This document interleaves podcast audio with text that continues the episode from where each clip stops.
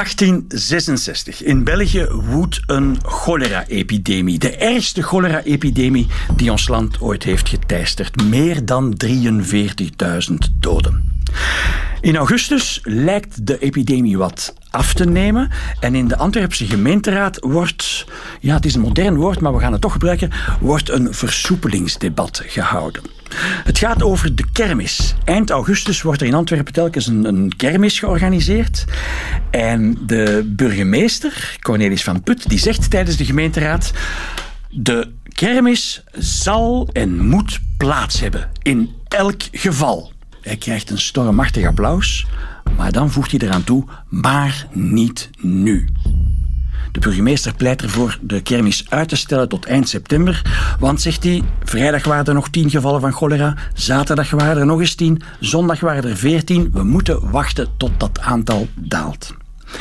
Hij krijgt tegenwind. Er zijn raadsleden die aan de belangen van de handelaars denken. Die zeggen, ja, in september wordt het weer slecht en de dagen beginnen te korten. Dat is niet ideaal om prijswedstrijden van de schuttersmaatschappijen te organiseren. Of een zeilwedstrijd op de Schelde.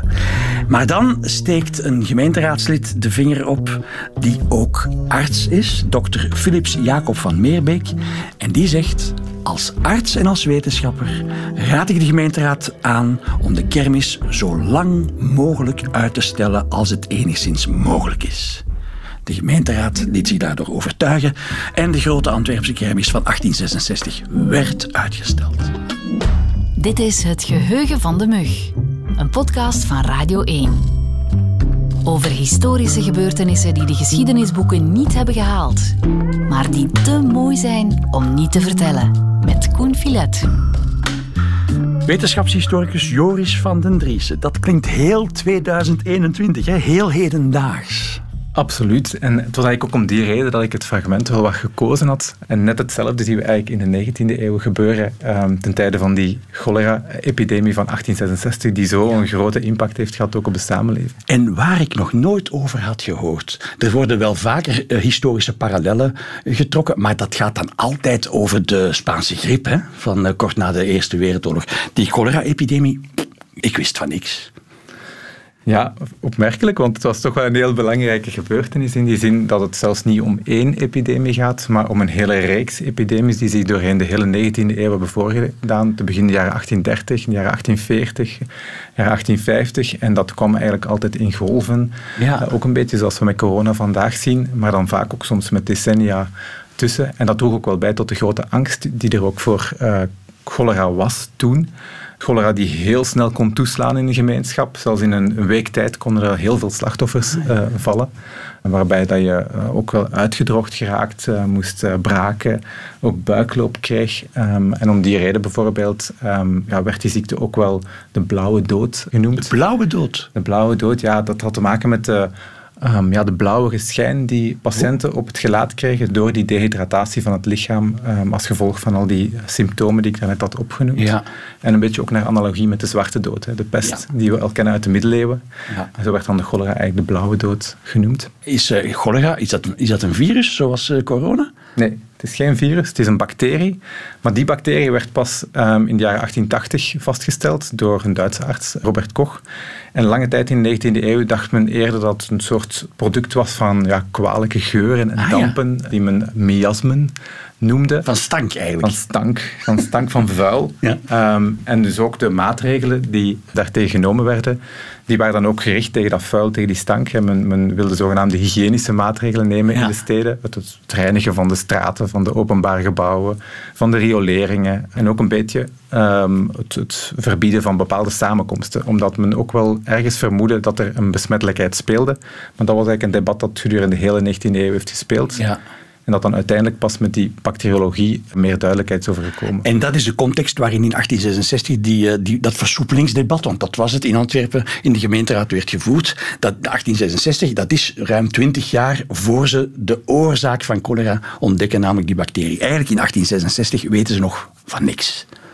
Dat is een beetje kort door de bocht, denk ik. Maar in het toenmalige kader was er alleszins geen bacteriologische idee over die ziekte en dacht men veel meer in ja, hygiënistische termen over die ziekte, als een voorwerp van, of als een product van die kwalijke geuren, van die dampen, van die miasmen. Ja. En waren dus ook de maatregelen eigenlijk sanitaire maatregelen. Men wilde proberen de stad op te kuisen en men dacht dat cholera iets was van de volksbuurten, Ah, ja. ehm, die onhygiënisch waren. En men wilde die ook wel opkuisen. Het was ook een heel sociaal ongelijke maatregelen, omdat die vooral gericht waren tegen de lagere eh, sociale klassen die in die arbeidersbuurten vooral waren. Maar was daar misschien een reden voor? Was cholera een groter probleem in die arbeidersbuurten? Hadden lagere sociale klassen hadden die vaker cholera dan de betere sociale klassen? Ja, absoluut. Hè. Ah, ja. Ehm, als je kijkt naar ehm, de, de cijfers die er zijn, ehm, bijvoorbeeld op basis van statistische studies die er toen gebeurden, dan zie je dat die epidemie ook op een heel ongelijke manier de Belgische samenleving heeft getroffen.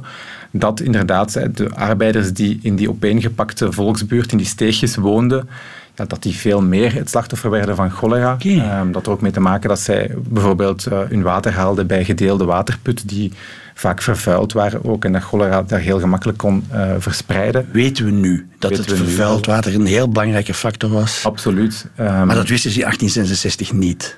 Nee, er waren wel internationale studies. Die van eh, John Snow, een Britse arts, die ehm, ja, al in Londen een, een studie had verricht naar eh, wijken waar dat cholera heel sterk had toegeslagen. Ehm, dat is een heel bekend verhaal van de Broad Street Water Pump. En waar hij getraceerd had dat de mensen die van die waterpomp eigenlijk hun water hadden gehaald, die allemaal het slachtoffer werden van cholera. En daarmee had hij wel kunnen aantonen van kijk, Ja. het is het vervuild water dat eigenlijk de oorzaak is waarmee eh, cholera kan verspreid worden. Maar het tragische verhaal van die John Snow, en er zijn parallellen met vandaag, hij had daar wetenschappelijke gegevens over, maar hij werd niet geloofd. Hè?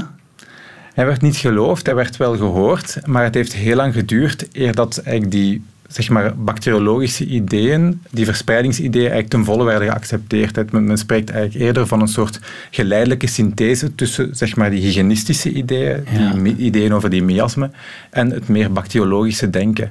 En het samengaan van die twee is eigenlijk een, een, een geleidelijk proces, waarbij dat die kennis laagje per laagje met elkaar vermengd geraakte. En uiteindelijk ook in de maatregelen of je nu vanuit een bacteriologische denkkader denkt of meer vanuit een hygiënistisch denkkader, je gaat altijd op het sanitaire richten. Want ook vanuit de bacteriologie is het belangrijk om natuurlijk je drinkwater te zuiveren, Ja. om de volkswijken Ja. zo proper mogelijk te maken, want dat speelt ook allemaal mee. Heel concreet, wat Antwerpen in 1866 betreft. Ze wisten niet dat het met bacteriën te maken had, maar het uitstellen van die kermis, was het, dat, dat was eigenlijk wel een goed idee. Al was het gebaseerd op foute veronderstellingen. Ja, dat is denk ik wel moeilijk om, om in te schatten. In die zin dat we vandaag weten dat cholera ehm, ja, zich vooral via vervuild water, via Ja. besmet voedsel ook verspreidt. En dat we vooral op die hygiënische aspecten moeten inzetten. In die zin verschilt het wel een beetje van een verhaal zoals corona. Dat een, vooral via de, via de lucht en, en via contact tussen personen ehm, zich verspreidt. Dus in, Ja. in de- in dat opzicht zijn de twee eh casussen wel een beetje verschillend. Wat ook wel interessant is, denk ik, en waar dat de casussen nog verschillend is, dat bijvoorbeeld niet alleen kermissen werden verboden, maar ook bijvoorbeeld religieuze bijeenkomsten Ah, ja, in die ja. periode. Denk aan processies. Dat waren ook elementen die in de 19e eeuw werden gezien als ja, samenscholingen, een plaats waar de cholera kon welig gaan tieren. Niet dat het stinkt tijdens een processie, maar goed. Nee, maar men had het idee van ja, die samenkomsten van mensen, dat is een soort soortje Toch? ongeregeld. Daar Ja. gaat de cholera weer kunnen tieren. En interessant genoeg was het vooral tegen die processies, het verbod op die processies, dat eigenlijk het protest teweegbracht bij de bevolking tegen de maatregelen. Dat is natuurlijk iets heel anders dan vandaag, wanneer dat wij niet zozeer om religieuze redenen gaan protesteren tegen de maatregelen, Ja. eh, maar om allerlei andere eh, politieke redenen bijvoorbeeld. Ja. En wat u nu zegt, van men had een idee dat bij, bij, bij samenkomsten dat dat slecht was voor de verspreiding van, van die ziekte. Was dat gebaseerd, zoals dat vandaag het geval is, op, op statistiek, op onderzoek of was dat buikgevoel? Nee, het was zeker ge- gebaseerd op statistiek en die cijfers waren ook al in de 19e eeuw echt alomtegenwoordig in het debat. En ik vind dat eigenlijk een van de frappantste gelijkenissen als je nu kijkt naar de cholera van de 19e eeuw en corona vandaag. Dat zijn die cijfers. Als je de kranten in de 19e eeuw openslaat en ook in het fragment dat we daarnet hebben bekeken, dan zie je dat daar wordt gezegd, ja, op zaterdag hadden we zoveel gevallen, de vrijdag waren het er nog maar zoveel. Dus men traceerde die epidemie werkelijk via het toenemende of afnemende aantal gevallen die in statistiek werden En dat is ook wel zo frappant aan die epidemiologie eigenlijk. Het is een, een wetenschap die op statistiek gebaseerd is. En zonder die cijfers kan je die epidemie ook niet vatten. Het is enkel door de cijfers te gebruiken, dat je een, een, ziekte tot een epidemie maakt, als het ware. En dat is vandaag met corona zo. En dat was in en dat is bijna, ja, dat is een soort van filosofische bedenking die u maakt. Hè, van als je inderdaad geen statistieken bijhoudt, dan zijn Jan, Piet en Paul, dan zijn het individuele zieken. Het is pas als je dat begint op te lijsten dat je concludeert, oh, dit is een epidemie. Ja, en ik denk dat het zelfs nog, nog, nog sterker is. Hè. Dus de strategie die daarbij wordt gehanteerd is ook je gebruikt die statistiek om, om iets dat op dat moment heel ongrijpbaar lijkt. Ziektegevallen links en rechts. Ehm, het virus is overal of de bacterie is overal. En je wil dat ook tot iets manageable maken. Je wil het maken tot iets dat je kan beheersen, kan controleren. En daarvoor dient die statistiek. Je creëert de curve, de curve die je kan gaan proberen sturen, controleren, beheersen, maatregelen ertegen kan nemen. De cijfers dienen precies daartoe, om iedereen bewust te maken van kijk, hier is een probleem, de cijfers zijn aan het stijgen, we kunnen ze proberen te doen dalen door maatregelen te nemen. En in feite zijn de, de hygiënisten van de 19e eeuw en de virologen vandaag delen die benadering. Dus een epidemie is een soort van sociale constructie, zou je kunnen zeggen. Maar je hebt die nodig om de stap naar actie te kunnen zetten. Ja, absoluut. En, en sommige historici gaan daar nog wel een stap verder in. Je hebt bijvoorbeeld de Amerikaanse historicus Charles uh, Rosenberg. Die zegt, ja, als je kijkt naar die cijfers en het verhaal dat over die cijfers wordt verteld, ja, dat lijkt een beetje op een toneelstuk in een aantal bedrijven. Hè. In het begin weet men niet goed wat er gebeurt. Dan is er eerst de erkenning van we zitten in een epidemie. Vervolgens wordt een soort kader gecreëerd waarin we de epidemie moeten begrijpen. Dat is dan het, mm beetje het tweede bedrijf. Mhm. Het derde bedrijf is dan de crisismoment, waarop er maatregelen worden genomen. En het laatste bedrijf is als, als de epidemie eigenlijk uitdooft en men vragen begint te stellen over wat is nu eigenlijk de impact. Maar tegelijkertijd ligt daarin ook de beperking van de, van de methode, zou je kunnen zeggen. Het is een collectieve representatie, maar alle verhalen van individuen die worden eigenlijk weggesneden. Iemand die ziek is, die ervaart heel veel persoonlijke drama's, die leeft in een bepaalde sociale omstandigheid, maar al die aspecten worden weggesneden van het moment dat iemand opgenomen wordt in zo'n statistiek. Ja. En in die zin um, zitten er heel wat zaken verhuld in die statistiek. En precies ook de heel ongelijke sociale um, verhoudingen in zo'n epidemie. In de 19e eeuw waren het de arbeidersklasse die heel zwaar getroffen werd door cholera. Maar dat zien we niet als we die statistieken erbij halen. En ook vandaag, als we naar de coronacurve kijken, ook vandaag hangt het heel erg vanaf, ja, ben je alleen of woon je met een partner samen, heb je kinderen, woon je in een grote stad, moet jij zorg dragen voor iemand, heb je iemand verloren, al die omstandigheden bepalen hoe heb jij die epidemie ervaren, maar een statistiek snijdt dat eigenlijk allemaal weg. Logischerwijze, om een totaalbeeld te scheppen, dat is de kracht van de methode. En ook van elke wetenschap om je te focussen op een bepaald aspect. Ja. Maar heel veel verhalen blijven wel uh, buiten beeld op die manier. Ja. Terugblikkend, hebben de maatregelen die de overheid toen nam tegen die cholera-epidemieën, hebben die bijgedragen tot het einde van, de, van die epidemieën? Ja, ik, ik, ik denk het wel. Um, maar ik denk dat je ook een beetje moet een, een terughoudendheid hebben om dit als een soort triomf van um, de moderne geneeskunde te presenteren. Dat was het zeker. Hè. De cholera verdween. Er kwam een soort moderne waterzuivering. Er kwamen moderne waterleidingen. Er kwamen betere toiletten, de water closet, die we mhm. vandaag kennen. Dat ontstond in de late 19e eeuw. En de laatste cholera-epidemie was er in 1892. En nadien is het eigenlijk nooit meer zo sterk geweest in West-Europa. Maar langs de andere kant was dat ook een veel bredere uh, verhaal van innovatie in de ingenieurswetenschap, die precies die waterleidingen mogelijk maakte, van industrialisatie en welzijn van de mensen die ook waterleidingen thuis konden installeren. Een, een verhaal van ja, een veranderende samenleving die die epidemie naar buiten heeft, ge, of, of heeft kunnen um, doen verdwijnen. Ja. En Tegelijkertijd transformeerde cholera ook tot een soort tropische ziekte, die vandaag nog altijd wereldwijd veel slachtoffers maakt. Dus een verhaal van, van overwinning of triomf zou ik niet meteen ophangen. Of het hangt dan tenminste af van uit welk perspectief dat je het bekijkt. Ja, en u praat nu over cholera, maar we leefden tot en met corona met het idee dat epidemieën sowieso tot het verleden behoorden. Een soort van vals gevoel van veiligheid.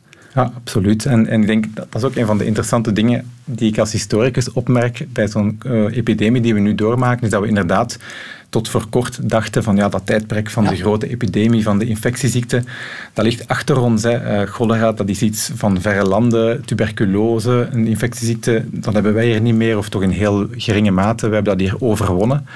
Maar die, die corona heeft ons wel getoond dat wij heel kwetsbaar zijn, ook voor infectieziekten. Um, en dat dat beeld van um, we hebben dat overwonnen. Dat is eigenlijk achterhaald. En wij herontdekken als het ware een kwetsbaarheid die er historisch wel altijd is geweest, maar die wij lange tijd eigenlijk als voorbij hadden gewaand. En dat is eigenlijk historisch gezien een heel interessant gegeven, denk ik, die ook onze blik op het verleden wel wat verandert.